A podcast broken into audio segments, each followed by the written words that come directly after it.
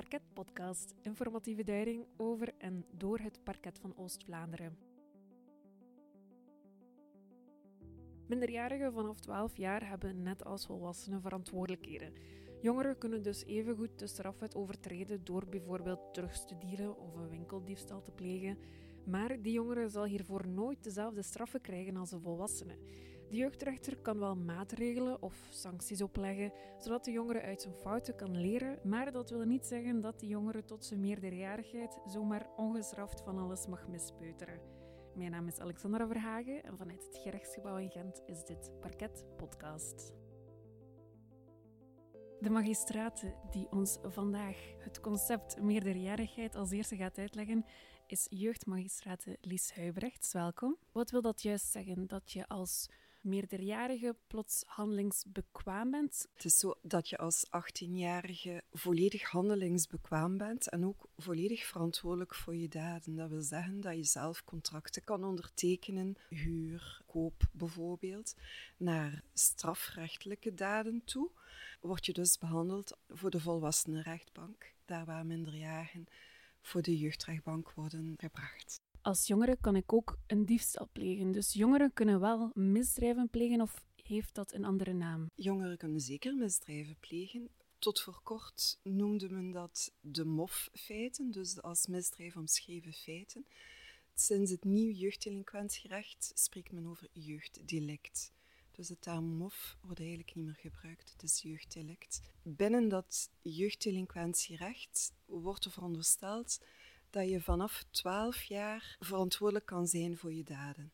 Dus alle minderjarigen onder de 12 die een misdrijf plegen, worden geacht niet verantwoordelijk te zijn voor hun daden.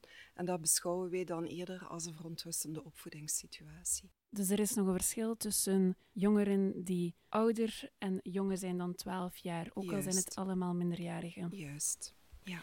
En is er dan ook een verschil in straffen? Dus kinderen onder 12 kan je niet straffen, maar kinderen tussen 12 en 18 kan je die wel straffen? Het is misschien een sanctioneren, zou ik zeggen. Want voorheen sprak men over een jeugdbeschermingsmaatregel. Nu spreken we over een sanctie. Want het nieuwe jeugddelinquentierecht is meer gericht op straffen, inderdaad. Alhoewel voordien binnen de jeugdbeschermingsmaatregel, waar er ook jongeren geplaatst in de groepen bijvoorbeeld, kunt dat moeilijk niet als sanctie zien. Hè. Dus het is gewoon de term die men erop plakt. We gaan het straks hebben over de sancties die het parket en maatregelen die het parket kan opleggen aan minderjarigen. Maar eerst over de misdrijven zelf. Misdrijven mag ik het niet noemen. Het zijn jeugddelicten die eh, jongeren kunnen plegen. Welke zijn de meest voorkomende? Is er daar een lijn in te trekken of kan dat van alles zijn? Dat kan echt van alles zijn. Het hele gamma, wat ook bij de meerderjarigen aan bod komt, komt ook bij de minderjarigen aan bod. En ziet u een, een, trend of een verschuiving van soorten misdrijven? Zijn er nu misdrijven die vaker voorkwamen dan pakweg 20 jaar geleden? De, het teruggebruik is er altijd al geweest, maar nu vloeien er meer problemen voort uit het teruggebruik. En dat heeft vooral te maken met het actieve bestanddeel van cannabis bijvoorbeeld. Een jointgebruik, dat is algemeen aanvaard bij de jongeren. Maar het probleem is dat het THC-gehalte, het actief bestanddeel van cannabis, dat dat veel zwaarder is dan pakweg 15 jaar geleden. Waardoor dat er veel meer problemen zijn, kwestie van verslaving, kwestie van psychiatrische problematieken. Hè. Dus dat is wel toegenomen. Dus één, drugs. Twee, wat ook schering en inslag is, is de werking van de media. Ik bedoel, internet, uh, naaktfoto's die genomen worden in onderling overleg. Bijvoorbeeld een, een, verliefd koppeltje en meisje stuurt een naaktfoto naar de jongen, jongen stuurt een naaktfoto naar het meisje. Relatie geraakt af. En dan is het niet zelden dat de jongen uit frustratie de naaktfoto's verspreidt op school. Of de relatie moet daarvoor nog niet gedaan zijn. De jongen krijgt, ik spreek nu enkel over de jongen, maar dat kan even goed het meisje zijn. De jongen uh, stuurt een keer die een naaktfoto naar een vriend. En die vriend stuurt het weer naar een andere vriend. En zo gaat dat als een lopend vuurtje rond. Dus dat is wel de laatste jaren nieuw. En ook vrees ik schering en inslag. Dus dan is dat eigenlijk sextortion. Mm Nu we het toch hebben over jongens en meisjes, is er een verschil in jeugddelicten dat ze plegen? Zijn jongens gewelddadiger, ook al op jongere leeftijd? En is dat bij meisjes dan eerder minder of komen er minder meisjes voor de jeugdrechtbank? Dat is een, ja, dat is een gevaarlijke vraag. Want ik wil mij niet vastpinnen op. Wat mij wel opvalt, is bijvoorbeeld winkeldiefstallen, dat dat meer meisjes zijn. En inderdaad, misschien zijn jongens wel iets gewelddadiger, maar evengoed kunnen meisjes een diefstal met geweld plegen. Of een steaming. Uh, Wat is een steaming? Steaming is eigenlijk ook een diefstal met gemeld, maar bijvoorbeeld wat je met een groep aan het Wilsonplein bijvoorbeeld, hè, aan de Zuid, dat er een groepje rond jou komt staan en dat je eigenlijk onder druk geld afgeeft of uh, dat er gestolen wordt. Eigenlijk door de groepsdruk dat de, het slachtoffer zich bedreigd voelt en dan bestolen wordt of gedwongen wordt om iets af te geven. Ja, eigenlijk een soort afpersing dan. Dat is een afpersing of een diefstal met geweld. Bij afpersing geef je zelf iets af en bij diefstal met geweld dan wordt er iets afgenomen. Oké, daarover de jeugddelicten. Maar dus stel dat je dan je daaraan schuldig maakt, dat je daar als jongere opgepakt wordt aan het Woodrow Wilsonplein door de politie en je komt dan bij de politie terecht. Kan de politie jou ook arresteren en handboeien en met de politiecombi tot in het politiekantoor brengen als minderjarige? Absoluut, dat kan. Er is daar geen verschil in beleid tussen jongeren en meerderjarigen? ook qua fouilleren of qua aanpak, is er daar geen verschil in, in hoe dat ze... Men is wel voorzichtiger natuurlijk naar minderjarigen toe. Het boeien, dan moeten we kijken naar de wet op het politieambt. Dan moet dat wel uh, een gevaar zijn voor ontvluchting of die dingen. Dus minister, het kan allemaal, maar we moeten er wel voorzichtig mee zijn. En als jongere kan je ook een nachtje in de cel zitten bij de politie. Absoluut. En een aantal jaar terug is de termijn voor arrestatie voor meerderjarigen verlengd van 24 naar 48 uur vooraleer dat die persoon voor de onderzoeksrechter moet verschijnen. Is dat ook zo voor minderjarigen? Absoluut. Ja. Dus 48 uur kan een minderjarige gearresteerd blijven. Eens de 48 uur verstreken, moet hij in vrijheid worden gesteld. Of hij moet binnen de 48 uur voorgeleid worden hij of zij bij de jeugdrechter. De arrestatietermijn is afgelopen. De persoon komt voor de jeugdrechter en de jeugdrechter die zegt kan niet anders dan die persoon vrijlaten. Mhm. Is dat dan geen, dat is nu een moeilijke vraag, jongeren die vaker opgepakt worden, die op den duur ook weten hoe het systeem werkt, hoe het in elkaar zit, wordt de politie dan niet ontmoedigd dat ze denken van kijk, we, we pakken die op, we arresteren die, die komt voor de jeugdrechter terecht en voor redenen kan hij dan niet vastgehouden worden of, of kan er niks gebeuren en dan staat hij weer op straat en de volgende week moeten we die weer gaan oppakken. Ja, dat is absoluut frustrerend, zowel voor de politie als voor ons. Want je moet het eigenlijk moet beginnen met het onderscheid te maken tussen zaken die everbergwaardig zijn en zaken die niet everbergwaardig zijn. Dus wat zijn zaken die everbergwaardig zijn? Everberg is een gemeenschapsinstelling de naam daarvan is De Grubbe, dat is gelegen in Everberg. En dat is eigenlijk de jeugdgevangenis. Bij jongeren die hele zware feiten plegen. Ik spreek dan niet over een winkeldiefstal, ik spreek niet over stalking bijvoorbeeld, of lichte slagen en verwonding, maar ik spreek dan echt over de hele zware feiten, de diefstal met geweld, de steaming. Soms zijn er, ja, we hebben, we hebben steekpartijen, poging doodslag, die dingen waar een, uh, in geval van meerderjarigheid een straf op staat van vijf jaar of meer, die kunnen in een gesloten gemeenschapsinstelling terecht. En ja, de arrestatie van die, van die minderjarigen is evident, maar als je dan voor de jeugdrechter komt en, en vastgesteld wordt met een gebrek aan plaats, want dat is bijna altijd het geval, ja, wij zijn, de jeugdrechters zeker, die zijn gebonden aan beperkte plaatsen en er is een onderaanbod van plaatsen.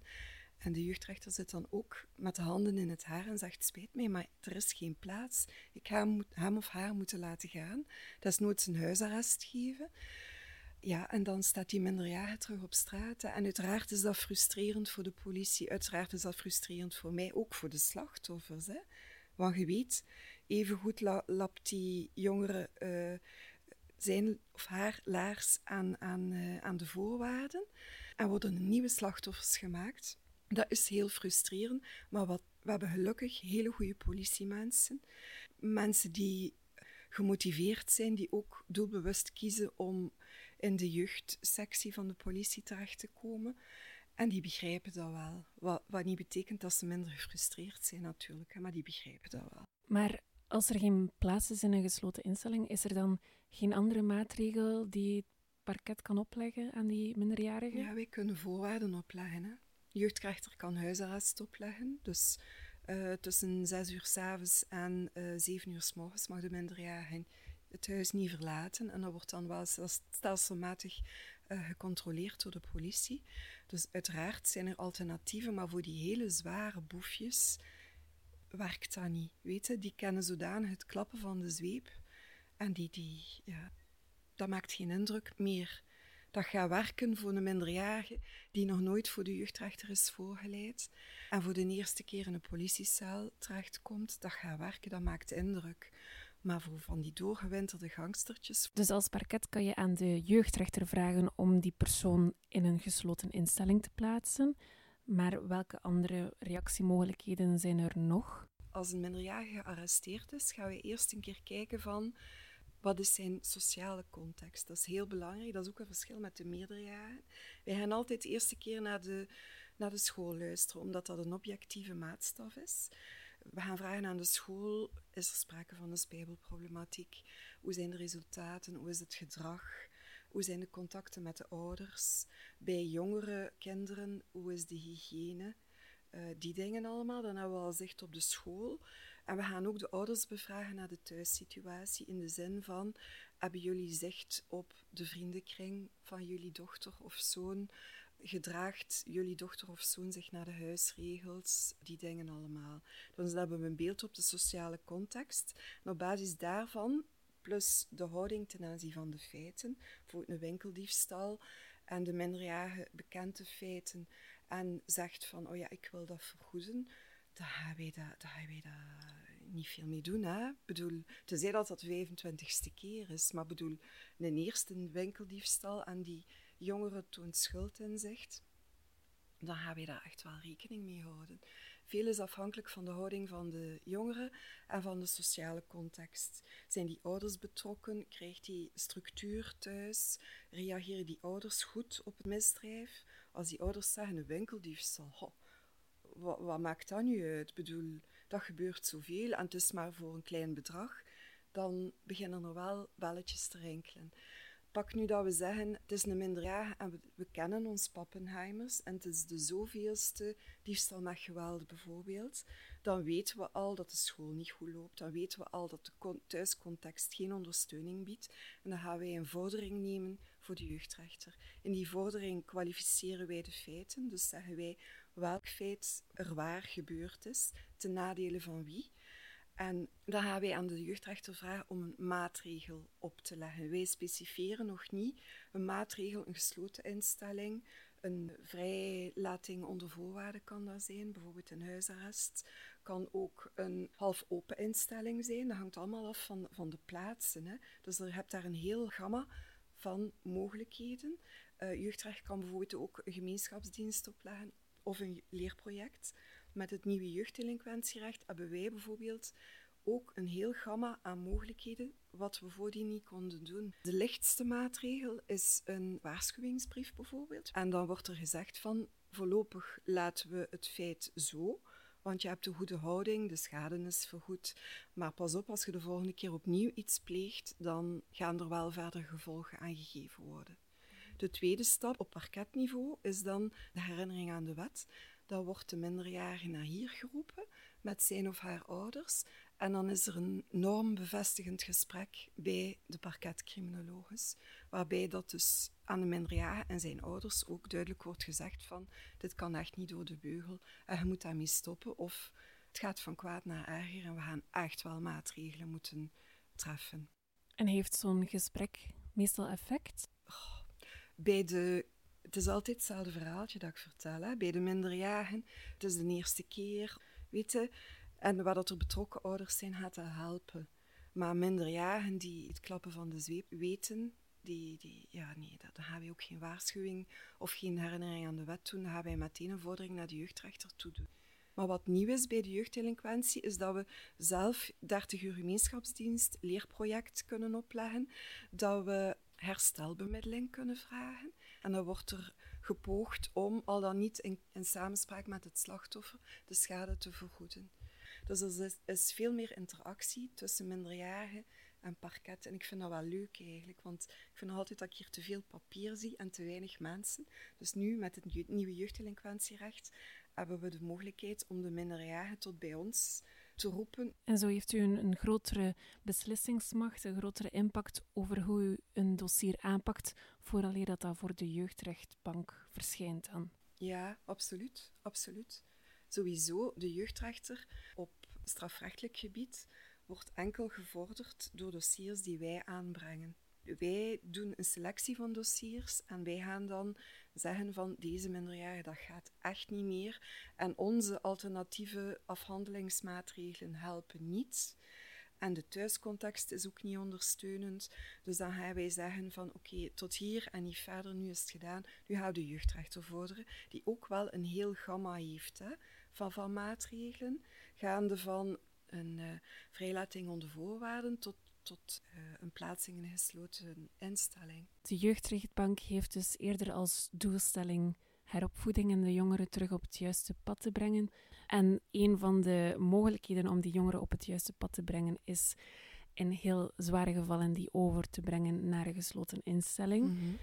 Maar hoe ziet dat eruit langs binnen? Wat gebeurt er daar? Is dat een soort dagcentrum waar die activiteiten krijgen? En... Hangt er een beetje vanaf waar bijvoorbeeld de Grubbe is echt een jeugdgevangenis. Je hebt ook uh, het detentiecentrum Tongeren. De naam zegt het zelf al, maar dat is echt een gevangenis. Daartegenover heb je de afdelingen in de Zanden. De Zanden afdeling de Zanden afdeling Beernem, de Zanden afdeling Wengenen. En daar gaat het wel iets losser aan toe. Daar is ook wel een hele strikte structuur. Maar daar hebben de minderjarigen een kamer, een ingerichte kamer. En in, in de, de jeugdgevangenis? in de in jeugdgevangenis is dat niet het geval. Nee.